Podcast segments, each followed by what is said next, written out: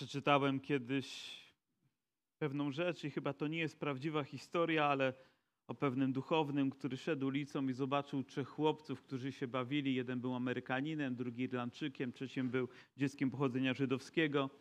I pyta ten duchowny ich, mówi, mam pięć dolarów do dania. Mówi, jeżeli mi odpowiecie na pytanie, kto był najważniejszą postacią wszechczasów.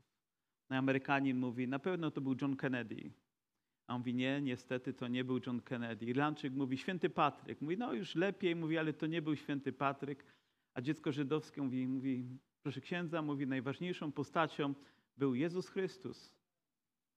A mówi, proszę, masz pięć dolarów, ale mówi, powiedz mi, jak to jest, że przecież ty jesteś z pochodzenia żydowskiego, więc nie wierzysz w boskość Chrystusa. A mówi, nie, nie wierzę. Mówi, ale biznes jest biznes.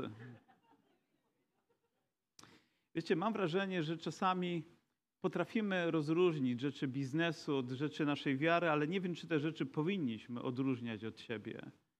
I fragment, który rozpoczynamy dzisiaj, zaczyna się dość mocno. Zresztą Jakub takim jest człowiekiem, który nie, nie przebiera w słowach, nie próbuje znaleźć łatwiejszych, wygodniejszych, bardziej takich politycznie poprawnych, ale jeżeli ma coś do powiedzenia Kościołowi, to mówi w sposób bezpośredni. Wiemy, że zwraca się do dwunastu pokoleń, które zostało rozproszone po całym ówczesnym imperium rzymskim i gdziekolwiek byli, to być może nawet doszli do tego, że zaczęli sobie mówić: biznes jest biznes.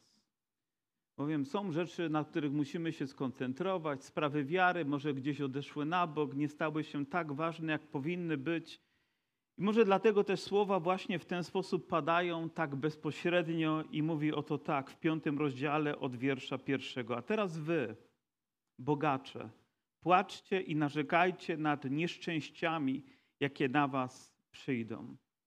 Wydawałoby się, że po takich słowach, które mówią, a teraz wy bogacze, każdy z nas tutaj na tej sali mógłby się poczuć zwolniony, prawda? No bo kto, kto z was uważa się za bogatego, finansowo bogatego człowieka? Niech podniesie rękę. Dziękuję Janusz, już wiemy, gdzie będziemy czerpać źródła dochodu dla zboru. Ale ja wiem, że że nikt z nas tak naprawdę aż tak się nie czuje bogatym, bo gdybyśmy się porównali do kogoś takiego jak Bill Gates, to z pewnością wyszliśmy, wyszlibyśmy na bardzo biednych i wręcz ubogich ludzi.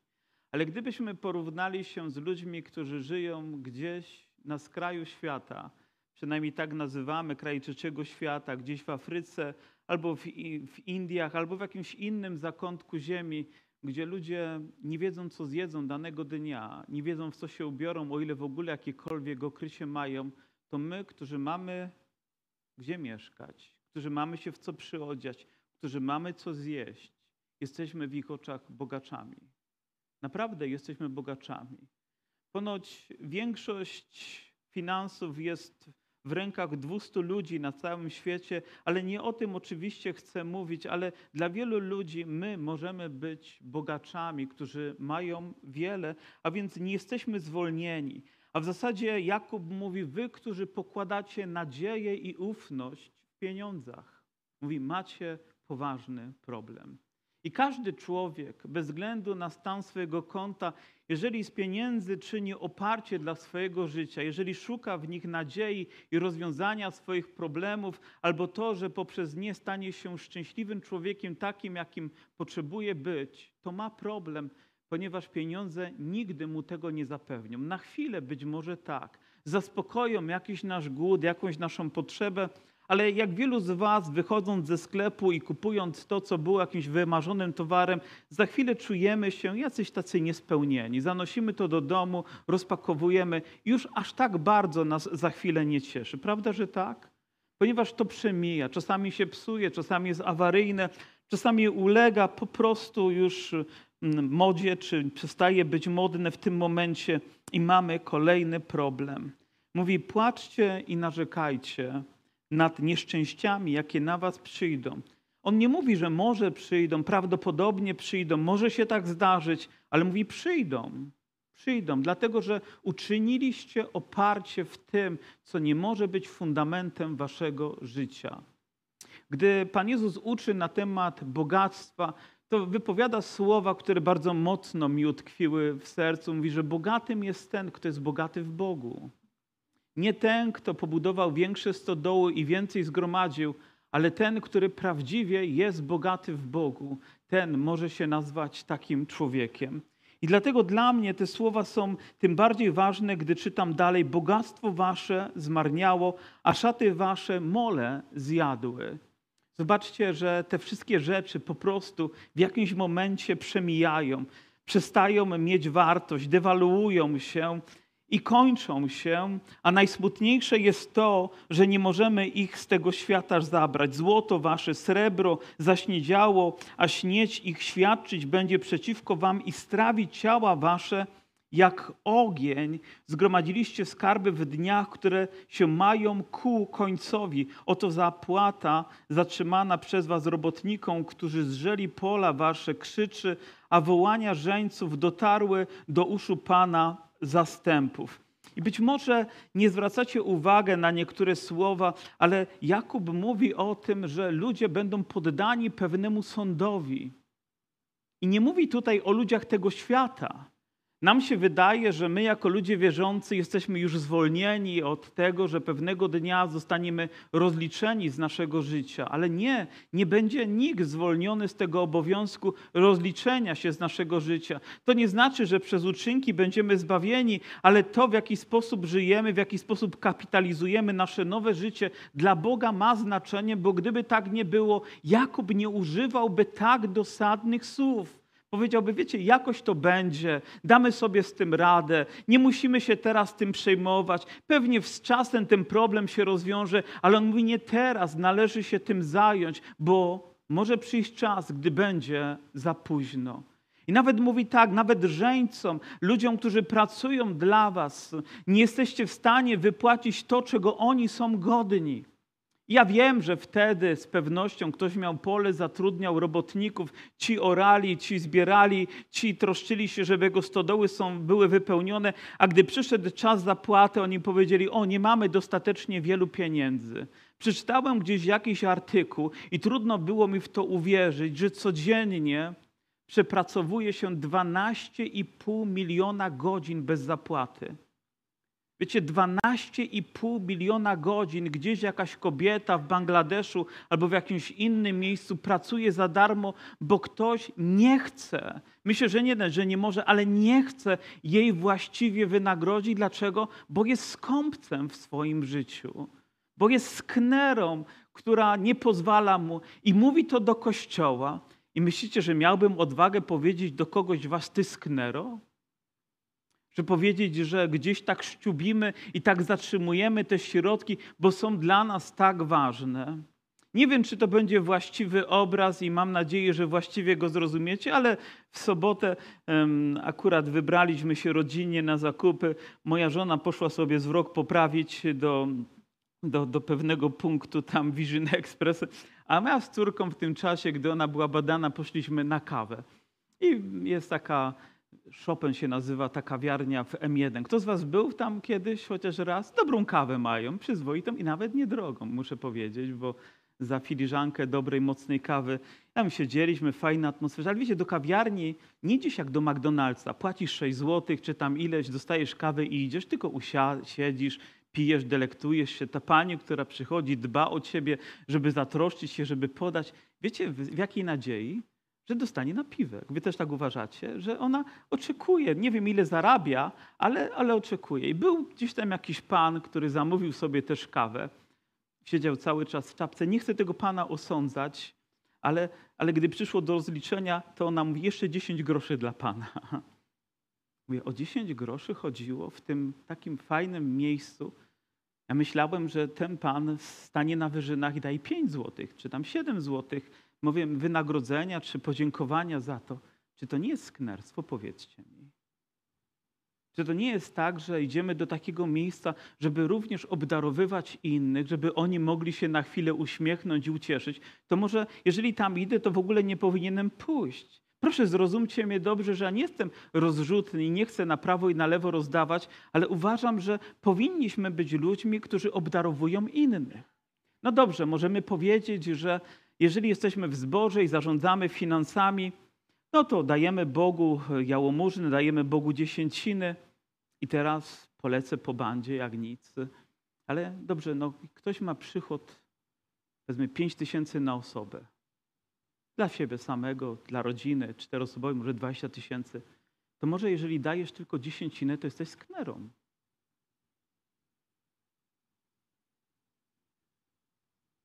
Bo twoje zasoby pozwalają dać ci o wiele więcej niż tylko 10%.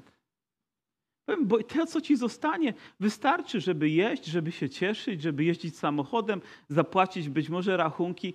A może problem mamy w tym, że czasami podnosimy tak wysoko standard naszego życia, że zejść niżej jest tak trudno. I wtedy robimy wszystko, żeby nadganiać to. Więcej pracy, więcej zobowiązań, więcej wyjazdów, więcej, więcej, więcej, więcej. Może do takich właśnie kieruje te słowa również Jakub. Mówi, zatrzymajcie się, otrząśnijcie, ponieważ to jest ślepa uliczka. Nie wyobrażam sobie, że ktoś u was pracuje i naprawdę ciężko pracuje, wierzący u wierzącego człowieka, a ten wierzący człowiek zamiast go wynagrodzić sowicie, to mówi, wiesz co, a może byś mi jeszcze spuścił sceny. Może jeszcze go, jeszcze go przepuścić przez wyżymaczkę. Mówię, to jest niewłaściwe. Jeżeli jest moim bratem, to powinienem dać mu jeszcze więcej, prawda? Powiedzieć, mój bracie, natrudziłeś się, naprawdę widzę, ile w to włożyłeś, to nie zarobiłeś tysiąc, ale może tysiąc sto złotych, żeby go pobłogosławić. O ile wiem, że zostanie mi na chleb, zostanie mi na prąd, zostanie mi na inne potrzeby. Może tak powinniśmy postępować względem siebie nawzajem a nie jak już brat pracuje, to tak, żeby jak najtaniej popracował u mnie, bo to przecież brat. Ale ten brat ma też potrzeby. Może tego brata trzeba pobłogosławić. Może, może się ucieszy on, jego dzieci, jego żona, gdy zobaczą trochę więcej środków, które będzie mógł użyć. Czy ja idę w niewłaściwą stronę? Czy Jakub właśnie nie mówi o tym, że powinniśmy być ludźmi, którzy nie zatrzymują, ale dają? ludzie, którzy błogosławią, ludzie, którzy przekraczają też takie być może przyjęte wtedy granice. Może było to zwyczajem nie dawać robotnikom zapłaty za pracę, którą wykonywali, ale Bóg mówi, ale nie tak ma być w kościele. Mówi, nie tak ma być między wami. Nie po to jesteście światłością, by tak w takiej ciemności postępować. Żyliście na ziemi w zbytku i w rozkoszach, utuczyliście serca wasze na dzień uboju.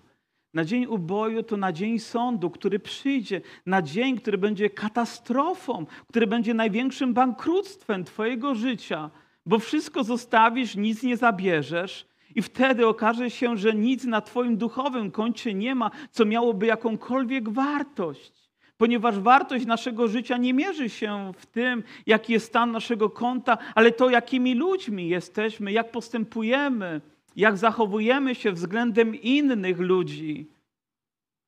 Jak pan dyrektor wielkiej firmy zachowuje się może wobec pani, która tam sprząta.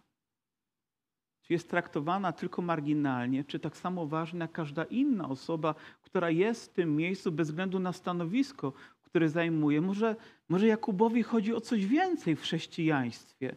Chodzi o takim ludzkim chrześcijaństwie, o takim normalnym chrześcijaństwie, o takim życiowym chrześcijaństwie, o właściwym postępowaniu, a nie oddzielaniu tych rzeczy i mówią, o nic się nie stało. Może wszyscy jesteśmy sknerami.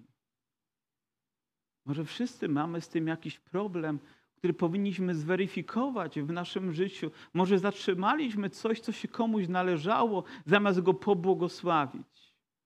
Nie chcę przytaczać przykładów z życia wziętych, bo poleciałbym już za daleko, ale myślę, że każdy z nas może gdzieś w głębi swojego sumienia niektóre rzeczy rozstrzygnąć. Wydaliście skazujący wyrok i zabiliście sprawiedliwego. Nie opiera się wam. Wydaje się, że to takie smutne słowa, że ktoś wykorzystuje swoją władzę, pozycję, by zranić, a w tym przypadku skrzywdzić inną osobę. I mówi do Kościoła, mówi do rozproszonych dwunastu pokoleń wierzących ludzi, którzy znaleźli się w różnych miejscach i może myślą, ale Pan Bóg tutaj nie widzi tego, co ja czynię. Pan Bóg widzi wszystko. I później mówi, przeto bądźcie cierpliwi, bracia, aż do przyjścia Pana. To piękne słowo, piękna cnota chrześcijańska się pojawia, cierpliwość, która ma zaowocować chyba tym, żebyśmy byli tacy wytrwali w dążeniu do tego, co najlepsze, żebyśmy nie wyprzedzali Boga, ale w cierpliwości oczekiwali na to, co Bóg dla nas przygotował aż do Jego przyjścia. Więc ten czas jest również i dzisiejszym czasem, bo Pan jeszcze nie przyszedł. I później odnosi się, oto rolnik cierpliwie oczekuje cennego owocu ziemi, aż spadnie wczesny i późniejszy deszcz. Rzeczywiście to takie naturalne i myślę, że najbardziej bliskie nam. Technologia się zmienia, ale są rzeczy niezmienne w tym świecie, które Bóg ustanowił, że aby zebrać plon, to trzeba posiać. Prawda? Komputery, powiem, z pomieszczeń, takie jak to, które dzisiaj wypełni, kiedyś wypełniały pomieszczenia, dzisiaj mieszczą się w jednej kieszeni. Jest to nasza komórka, która ma większe moce przerobowe niż kiedykolwiek wcześniej. Maszyny parowe zamieniły się w małe urządzenia o wielkiej mocy. Wszystko się zmienia, ale ten proces się nie zmienia. On jest odwieczny taki sam. Czy takie same prawa dotyczą duchowych rzeczy, czy one się zmieniają wraz ze światem, wraz z kulturą, wraz z naszym nastawieniem, poglądami, czy tak samo są niezmienne? Czy niezmiennie wciąż potrzebujemy miłości? Powiedzcie. Tak jak na początku, tak teraz. Czy ktoś potrzebuje mniej miłości niż potrzebował 50 lat temu? Może nawet więcej potrzebujemy, czy mniej cierpliwości? Może potrzebujemy więcej mieć cierpliwości, te rzeczy, ale oczekujemy i powinniśmy oczekiwać cennego owocu ziemi, aż spadnie wczesny i późniejszy deszcz. Pomyślałem sobie o Izraelu, ponieważ dla nich z pewnością ich ziemia była im najbliższa. I kiedy jest się tam, to wiemy, że słońce tam świeci częściej niż pada deszcz. O wiele częściej, o wiele częściej. Naprawdę czasami jest tak gorąco, że nie da się wytrzymać. Ja byłem tylko raz, byłem w maju, a miałem wrażenie, że na każdym kamieniu można było jajka sadzone robić, ponieważ tak czasami skwarzyło. I oni czekają na deszcz. To są te pory, które sprawiają, że ziemia staje się miękka, że ziemia, ziarno, które tam zostało posiane, dostaje to, czego potrzebuje, by, by ożyć. Wiecie, i teraz taka myśl przyszła, że mówię, bez względu na to, jak cenne rzeczy bym umieścił w ziemi, jeżeli by nie spadł deszcz, to one nie ożyją. Jeżeli nie spadnie deszcz, nie wiem, jak wiele rzeczy, wysiłków człowiek może sam z siebie wygenerować, ale jeżeli nie spadnie z nieba deszcz, jeżeli Bóg tego nie dotknie, nie pobłogosławi tej mojej nowej pieśni, to gdzieś ona ugrzęźnie, ona nie wydobędzie się, ona nie przyniesie chwały, ona nie przyniesie właściwego owocu. A więc potrzebujemy Boga, który spuszcza deszcz i dwa razy w roku z pewnością tam w tych porach deszczowych ziemia mogła się nasycać i ta ziemia dwa razy potrafi wydać też plon. niektórzy uważają, że to są takie dwa okresy czasów, że ten pierwszy deszcz to jest zesłanie Ducha Świętego i to wielkie przebudzenie, które nastąpiło wtedy, że Ewangelia z ekspansją poszła na cały świat i rzeczywiście tak się stało bez samolotów, bez internetu, bez niczych, żadnej zdobyczy techniki nam znanej dzisiaj. Tak szybko Ewangelia była rozprzestrzeniana, tak wiele zborów powstało. Wiecie, bo był deszcz. A później późniejszy deszcz, to mówią to ostatnie, ostateczne czasy.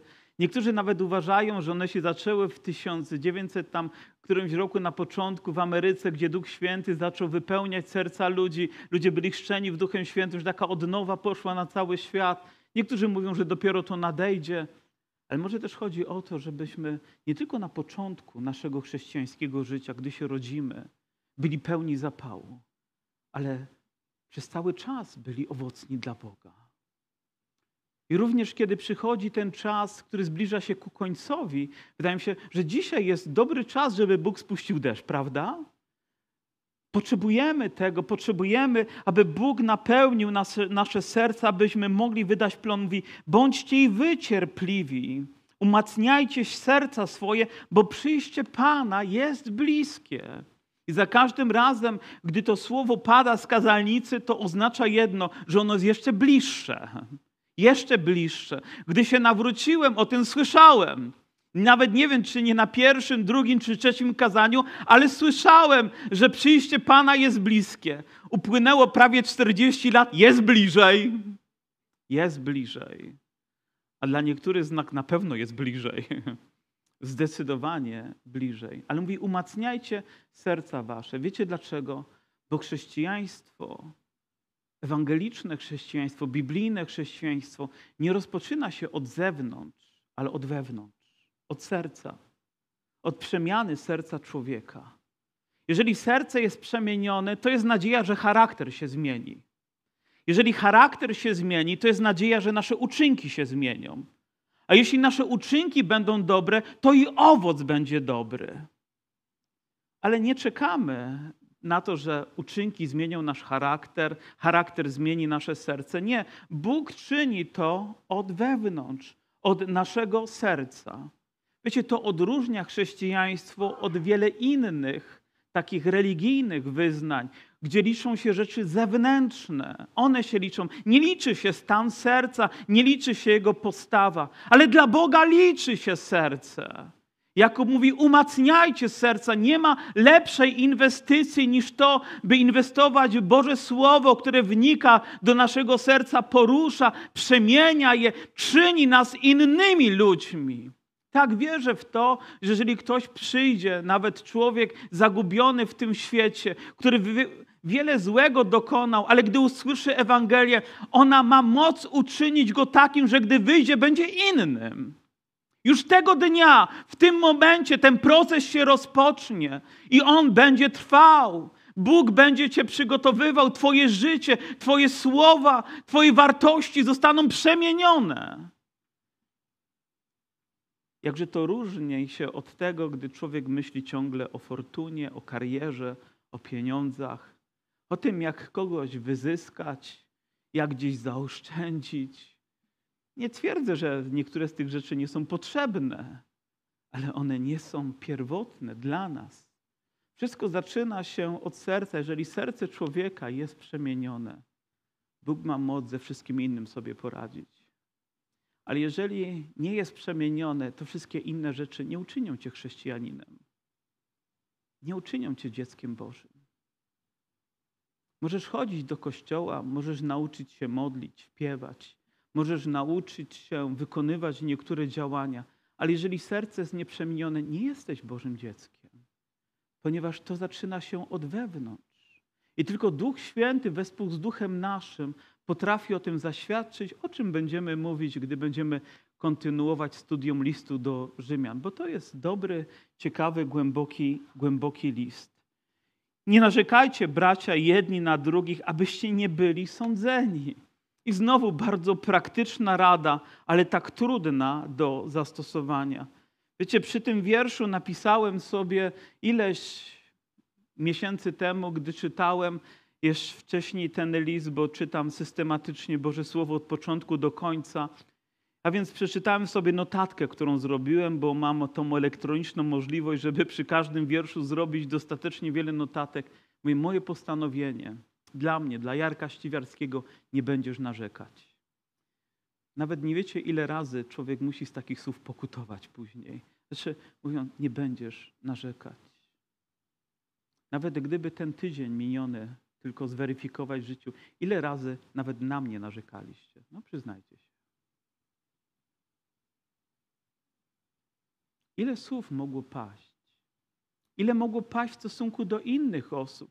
Ile razy ktoś niepotrzebnie, abyście nie byli sądzeni?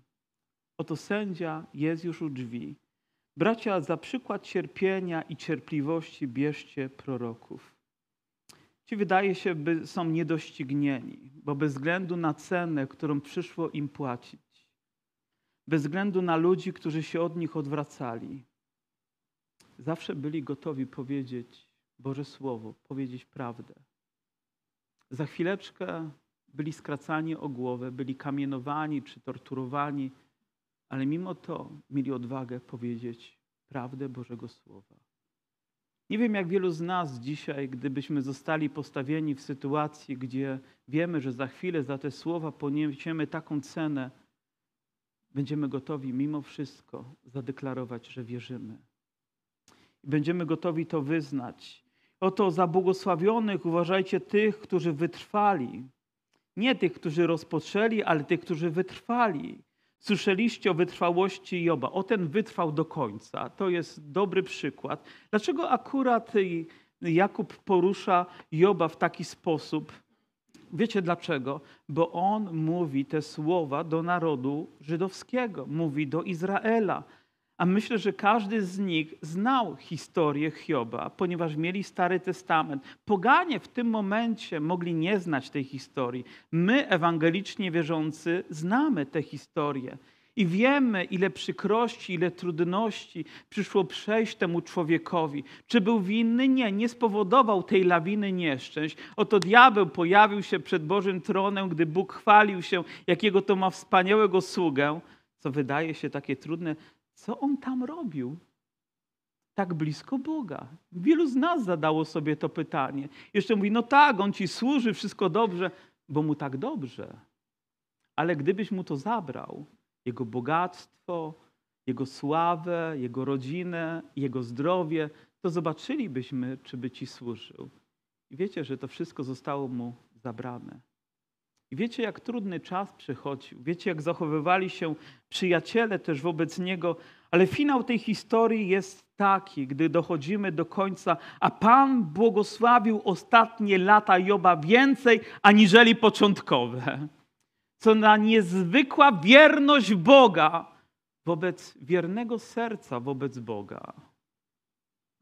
I na koniec mówi: Potem żył Job jeszcze 140 lat i oglądał swoje dzieci i swoich wnuków aż do czwartego pokolenia i umarł Job stary i syty dni. Aleluja. Chcielibyśmy, żeby każda historia mogła się w ten sposób zakończyć, ale ile go to kosztowało? ile musiał wysłuchać, ile musiał wycierpieć, ile cierpliwości potrzebował, żeby do tego dojść. Tylko Pan Bóg to wie. I później mówi: Niech wasze tak będzie tak, a niech wasze nie będzie nie. I dzisiaj wydaje się, że żyjemy w świecie, gdzie każdego polityka, którego spytacie, czy tak, czy nie, to i tak wam nie odpowie. Odpowie tak, żeby, żeby nie odpowiedzieć. Na niektóre pytania wiem, że trudno jest odpowiedzieć tak albo nie. Na przykład, gdyby ktoś spytał mnie, czy przestały już wbić swoją żonę. Nie wiem, co miałbym odpowiedzieć. Zamilkłbym, pewnie nic bym nie odpowiedział, ale wiecie, że w kwestiach zasadniczych powinniśmy mieć odwagę, nawet jeżeli jest to z naszą, ze szkodą dla nas, dotrzymać słowa. Jeżeli mówisz tak swojej żonie, bądź wierny do końca. Jeżeli mówisz tak swojemu mężowi, bądź wierny do końca. Jeżeli mówisz tak swojemu bratu, to bądź wierny, to bądź wytrwały. Jeżeli zobowiązałeś się, to wytrwaj w tym. Może żyjemy w świecie, gdzie wszystko się zmienia w zależności od naszych potrzeb, a nie Bożych standardów. Nie tego, jak Bóg to zaplanował, ale tak, jak nam będzie wygodniej, tak będziemy postępować. I tak, możemy też Biblię zmieniać. Już tak, nie musi być tak, a nie, nie do końca jest nie. Zawsze znajdziemy coś po środku, co będzie takie centralne, wyważone, właściwie. Ale nie tak Biblia mówi. Dla Boga tak, zawsze będzie tak, a nie będzie właśnie takim. I oto dochodzimy do fragmentu, który wydaje się być dla nas tutaj właściwym, i mamy jeszcze 10 minut i całą wieczność.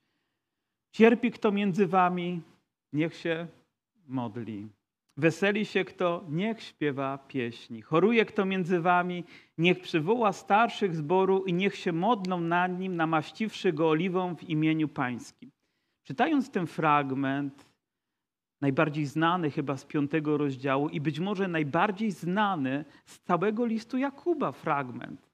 Zwłaszcza ten, że jeżeli jeżeli ktoś choruje, to niech wezwie, przywoła starszy i niech się modlą nad nim, namaściwszy go oliwą w imieniu pańskim, a modlitwa płynąca z wiary uzdrowi chorego i Pan go podźwignie. Jeżeli zaś dopuścił się grzechów, będą mu odpuszczone. Tak, to z pewnością jest klasyka listu Jakuba. Gdy mówimy o Jakubie, to mówimy o tym fragmencie. Mówimy o odniesieniu do niego, bo dla nas kwestia uzdrowienia jest tak ważna, prawda?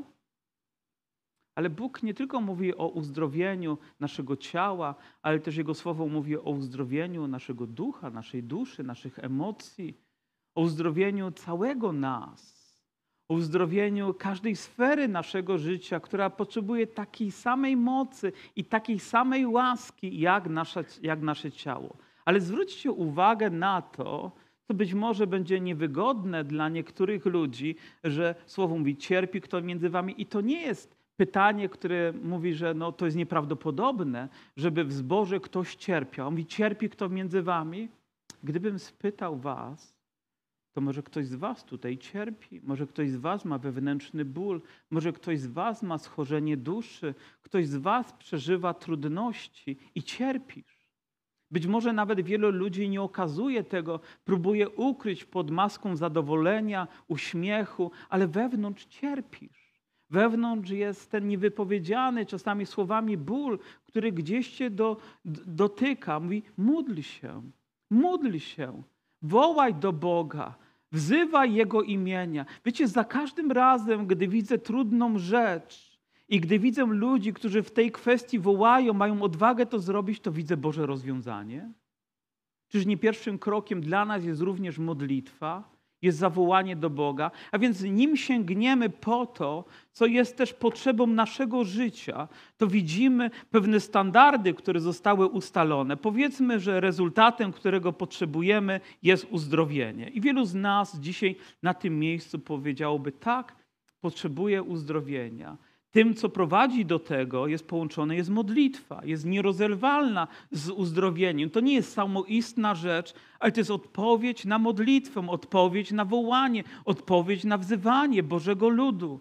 Modlono się nad chorymi, wkładano na nich ręce, namaszczano ich oliwą, a nawet gdy ludzie wychodzili na ulicę, to tak panowała Boża atmosfera, że ludzie byli uzdrawiani. Jest to integralna część uzdrowienia, modlitwa, która do tego prowadzi. Ale żeby modlitwa była skuteczna, to Jakub mówi też o wierze, która powinna temu towarzyszyć. Przeszkodą dla wiary jest jakaś opozycja w naszym życiu, może jakieś związanie w naszym sercu, które nie pozwala, aby ta modlitwa została uruchomiona. No pomyślmy w ten sposób. Jesteś człowiekiem zamożnym, masz dostatecznie wiele, jesteś jednym z tych bogaczy, o którym mówił tutaj Jakub, masz do dyspozycji całą medycynę świata, do której możesz sięgnąć, możesz polecieć gdzie chcesz, masz schorzenie, masz potrzebę, to co robisz jako pierwszą rzecz? Może wsiadasz w autobus, samolot, w rakietę, w cokolwiek i lecisz tam, gdzie możesz uzyskać pomoc, bo cię na to stać. A co powinien zrobić człowiek wierzący? Od czego powinien zacząć? Od modlitwy. A pomyśleliście o tym, gdybyśmy wiedzieli, Boże, czy Ty chcesz mnie uzdrowić? Naturalne, że Bóg chce Cię uzdrowić. Tylko nie było też tak naturalne, że Hiob od razu został uzdrowiony.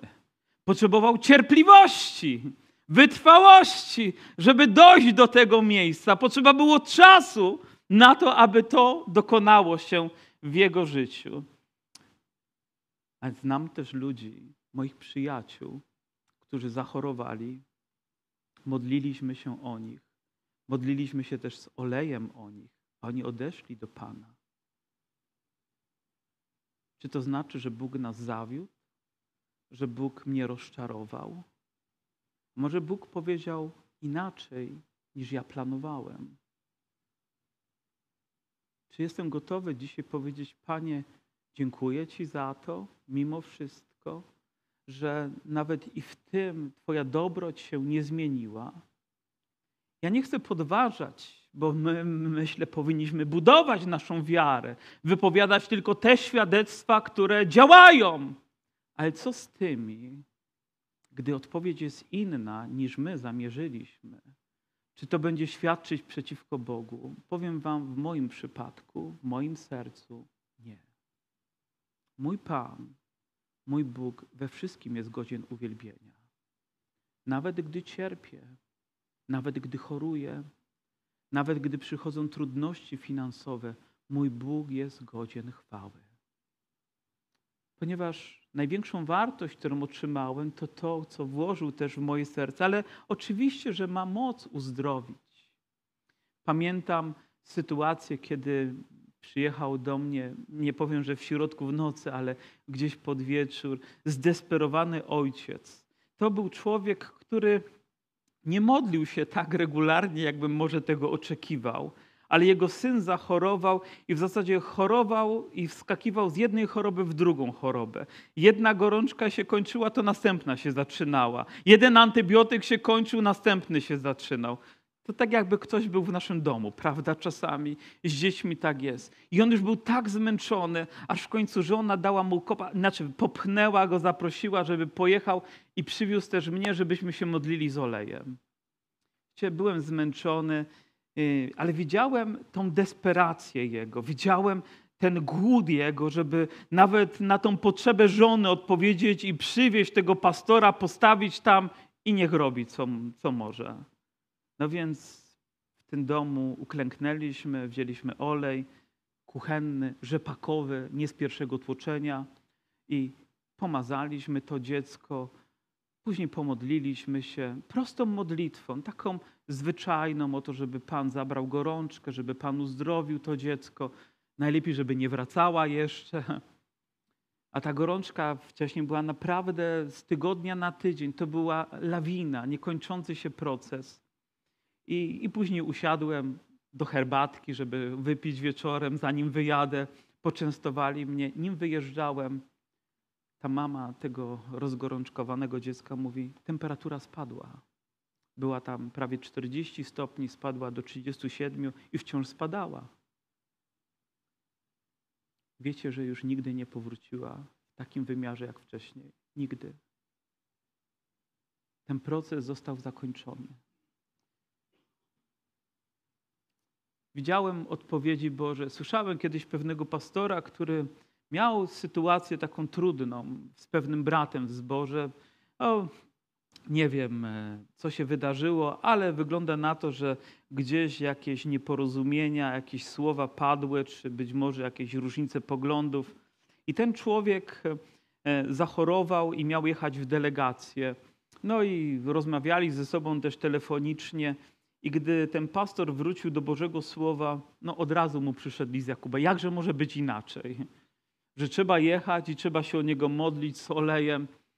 No i wziął ten olej i mówi, dobrze Boże, pojadę. No i pojechał do niego i zaczął rozmawiać z nim.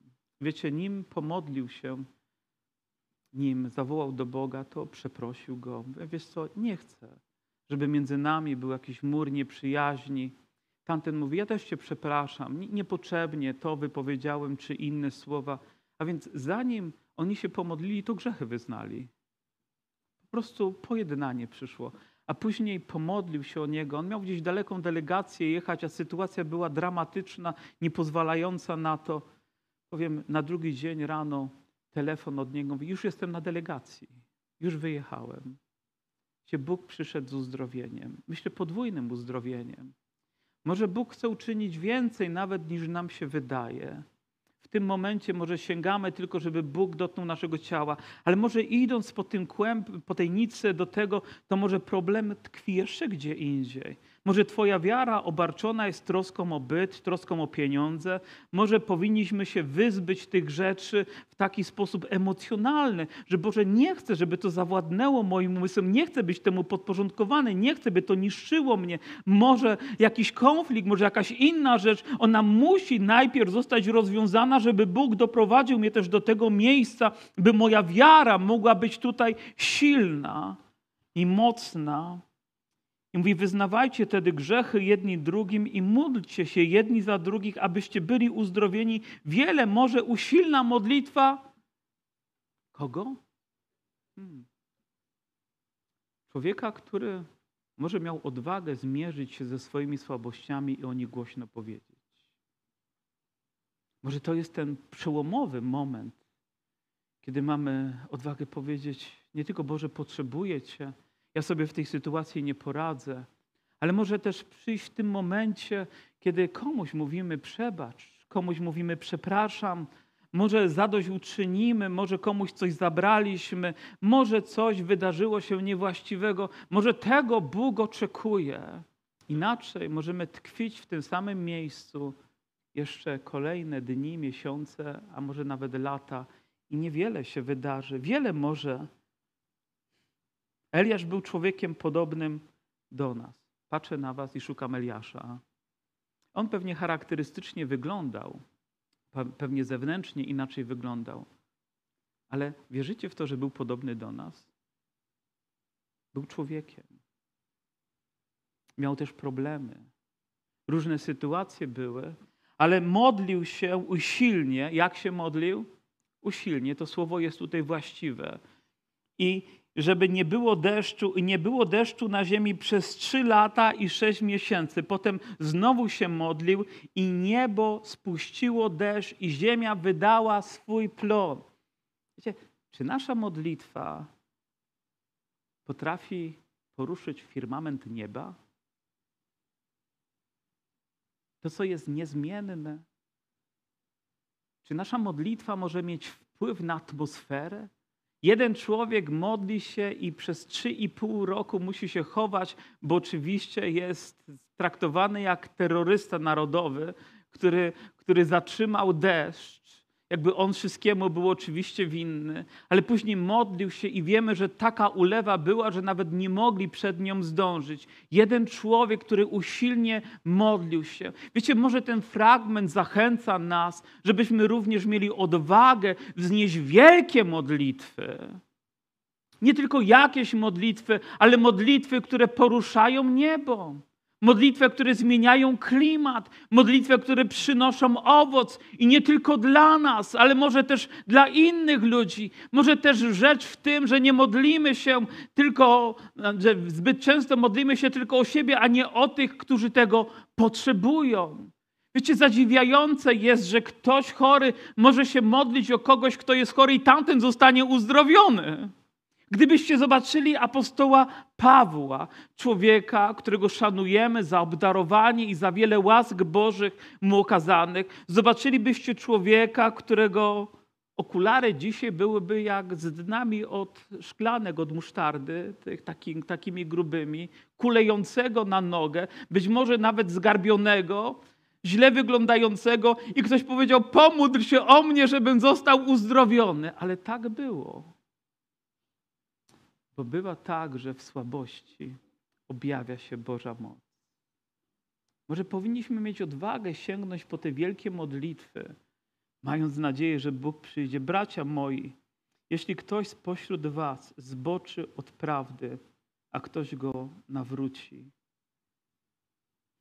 Nie wiem, jaki cud jest największy, ale w moim przekonaniu największym cudem w świecie jest nowonarodzenie. I też cudem jest to, kiedy jakiś brat odejdzie od prawdy, ale inny brat w modlitwie i trosce przyprowadzi go na nowo na drogę prawdy. Na nowo.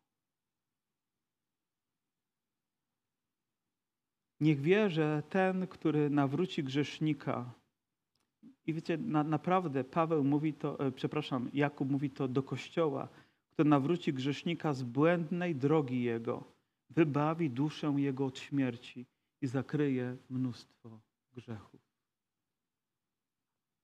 Wybawi duszę jego od śmierci. Tylko Bóg wie, w jakim miejscu, w jakim stanie, w jakim niebezpieczeństwie może znaleźć się człowiek wierzący, który odszedł od Boga, który zatracił się w swoich wartościach, w swojej duchowości, który zapomniał o tym, co najważniejsze i może mówi biznes jest biznes, życie jest życie. Może Kościół, który zatracił swoją tożsamość, zapomniał o tym, kim jest. Zapomniał, jaką cenę za niego Chrystus zapłacił. Zapomniał, co to znaczy mówić tak i zapomniał mówić, co to nie. Może zapomniał wielkich modlitw wiary, a może nie zgadza się z odpowiedziami, które nie są dla niego wygodne. I poprzez to przestaje Bogu oddawać chwałę, gniewa się na Niego. Ale piękną rzeczą jest, gdy znowu możemy przyjść do Chrystusa, możemy odnowić społeczność z Nim. Na nowo możemy być. I w zasadzie mam wrażenie, że całe życie człowiek czeka na ten jeden wyjątkowy moment, aby znowu być ze swoim Zbawicielem, znowu być ze swoim Bogiem. Powiem, tęskni za tym bardziej niż ma świadomość. I Biblia mówi, ten jeden moment jest tak uświęcony, że wszystkie grzechy Twoje, wszystkie Twoje winy, wszystkie Twoje nieprawości są przebaczone. To jest cud. Tylko Bóg złe serce może uczynić dobrym. Możemy człowieka wysłać do więzienia, ale nie przyjdzie dobrym. O ile Bóg nie przemieni jego serce w tym miejscu. Tylko Bóg może przemienić nasze życie. I On chce, żebyśmy przynosili cenny owoc, błogosławiony owoc. Z pewnością Jakubowi tak zależało na tych wszystkich wierzących ludziach, którzy gdzieś tam byli rozproszeni i zagubieni. Jakby na koniec wzywa ich i być może to słowo to taki apel płynący z serca. Mówią, przyjdźcie na nowo do społeczności z Bogiem. Może ktoś z Was dzisiaj potrzebuje uświadomić sobie, co jest prawdziwą wartością w Twoim życiu, co jest prawdziwym bogactwem dla Ciebie. Co jest tym, co przyświeca celowi Twojego życia? I nie mów mi, że nie jesteś bogaty, Ciebie to nie dotyczy. Nie mów mi, że nie masz problemów. Chyba najgorzej jest oszukiwać samego siebie. Może gdy potrzebujesz uzdrowienia, to przyjdź z wiarą, przyjdź z modlitwą, przyjdź uniżeniu przed Panem. Przyjdź, aby uczynił więcej, niż może dzisiaj Twoje ciało dyktuje. Może przyjdź, a Bóg poradzi sobie z resztą, po prostu. Bo On jest tym, który ma wszelką moc na niebie i na ziemi. Dobry jest nasz Pan. Amen.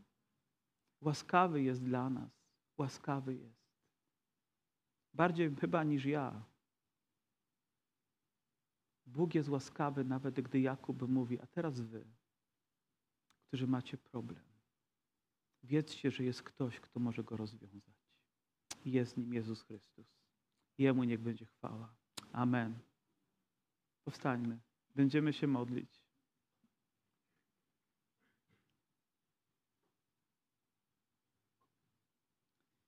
Nie chcę się chwalić, ale mam olej. Wygląda na to, że z pierwszego tłoczenia może ktoś z Was dzisiaj potrzebuje modlitwy.